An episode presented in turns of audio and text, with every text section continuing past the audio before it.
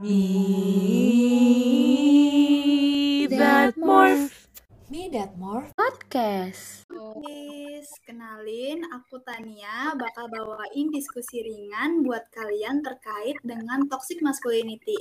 Nah, tapi di sini aku nggak sendirian nih teman-teman. Aku juga ditemenin sama Erlina. Halo Erlina. Halo Tania, jadi kita mau bahas tentang toxic masculinity ya Tan hari ini. Iya, bener banget. Kamu tahu nggak nih Er, toxic masculinity itu apa? Tahu dong, nah toxic masculinity itu secara harfiahnya sendiri yaitu maskulinitas beracun yang artinya orang yang nunjukin perilakunya cenderung melebih-lebihkan standar maskulin pada laki-laki Tan. Nah, iya bener banget tuh Er. Dan toxic masculinity ini tuh juga berbahaya banget loh guys. Wah apa tuh Tan kalau boleh tahu bahayanya? Nah, toxic masculinity itu bisa memba- membatasi sifat laki-laki dan bisa mengekang pertumbuhannya di masyarakat. Nah, kalau misalkan pembatasan sifat laki-laki ini dilakukan terus-menerus, ini tuh bakal menimbulkan sebuah konflik di dalam diri laki-laki dengan lingkungannya yang akhirnya memberikan beban pada laki-laki karena dianggap tidak memenuhi syarat maskulinitas. Gitu. Oh jadi akhirnya seorang laki-laki itu bisa merasa eh, ia diterima di masyarakat apabila ia menunjukkan perilaku toxic masculinity-nya itu ya Tan ya?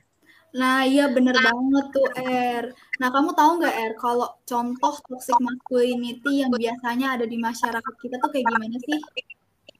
Kalau contohnya itu kayak seorang laki-laki tuh nggak boleh gitu kan menunjukkan kesedihannya atau tangisan mereka. Nah kalau misalkan mereka nangis tuh dianggap seperti perempuan, kayak sifatnya tuh cengeng dan lain-lain. Padahal itu nggak boleh banget loh sebenarnya karena kan berkaitan dengan kesehatan mental ya.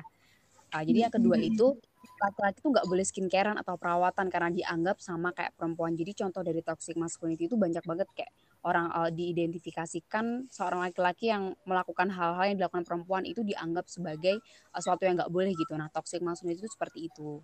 Hmm, iya padahal kan kalau misalkan merawat kulit itu kan nggak cuma buat cewek aja ya guys, cowok tuh juga boleh gitu bahkan dianjurkan.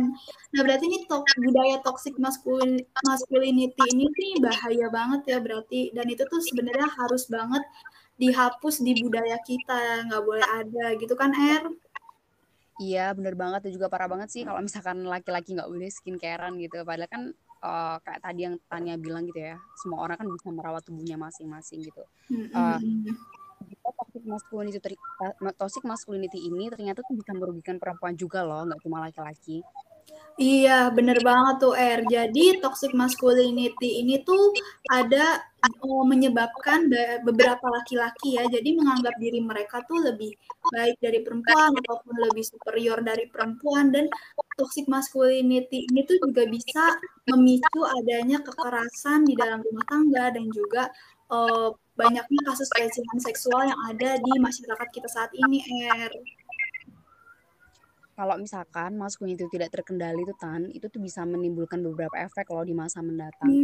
Kayak Hmm. perlindungan dalam rumah tangga terhadap kekerasan eh, anak dan pasangan, terus habis itu penyalahgunaan obat-obat terlarang, terus habis itu bunuh diri dan juga bisa sampai ke trauma psikologi. Karena ini kan berkaitan dengan mental gitu ya. Kalau sem- semua halnya berkaitan dengan mental tuh kan bahaya banget itu Tan. Iya, bener-bener bener banget. Nah, tadi kan Erlina udah nyebutin efeknya. Nah, aku juga mau bantu ngasih tahu gimana sih cara kita untuk menghapus ataupun untuk ngilangin nih budaya toxic masculinity ini di masyarakat kita. Nah, yang pertama ini tuh yang paling penting ya guys, ini tuh dari diri kita sendiri, yaitu kita harus menghentikan siklus ini. Jadi, oh, kita tuh jangan sampai ikut-ikutan jadi orang yang suka toxic masculinity-in orang-orang laki-laki gitu.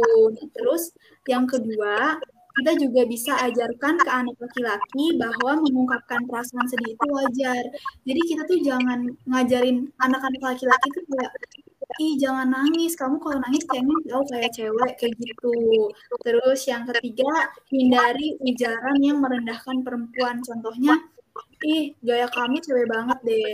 Ataupun yang tadi udah aku sebutin tuh ih kamu nangis cengeng kayak cewek. Ataupun ih kamu kalau ngomong kok kecewek-cewekan sih? Itu nggak boleh banget ya guys. Karena mungkin setiap orang tuh punya stylenya atau gaya pada diri mereka masing-masing itu jangan dikait-kaitkan apa-apa dengan kalau lemah tuh cewek kalau uh, kalau kamu tuh lemah lembut tuh cewek kayak gitu.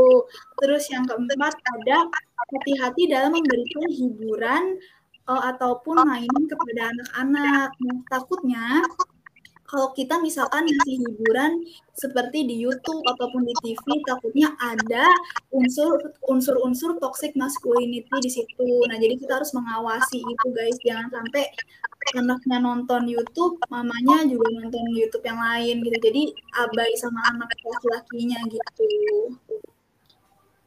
Wah, keren-keren bisa banget nih tipsnya diikutin ya Tan berarti. Mm -hmm. Jadi buat teman-teman semua, kita harus bisa nih aware sama kesehatan mental kita dan juga toxic masculinity sejak dini.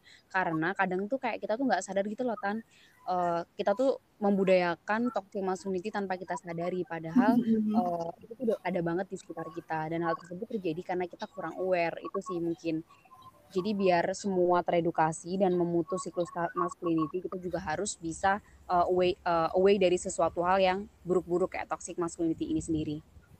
Iya, bener banget tuh, Er. Nah, tadi kan kita udah ngebahas tentang apa itu toxic masculinity, terus juga efeknya apa, terus juga cara kita gimana memutus rantai kebudayaan toxic masculinity yang gak baik ini. Nah, berarti pembahasan kita terkait toxic masculinity ini juga udah habis nih, Er. Mungkin segitu dulu podcast dari Meet Me More kali ini.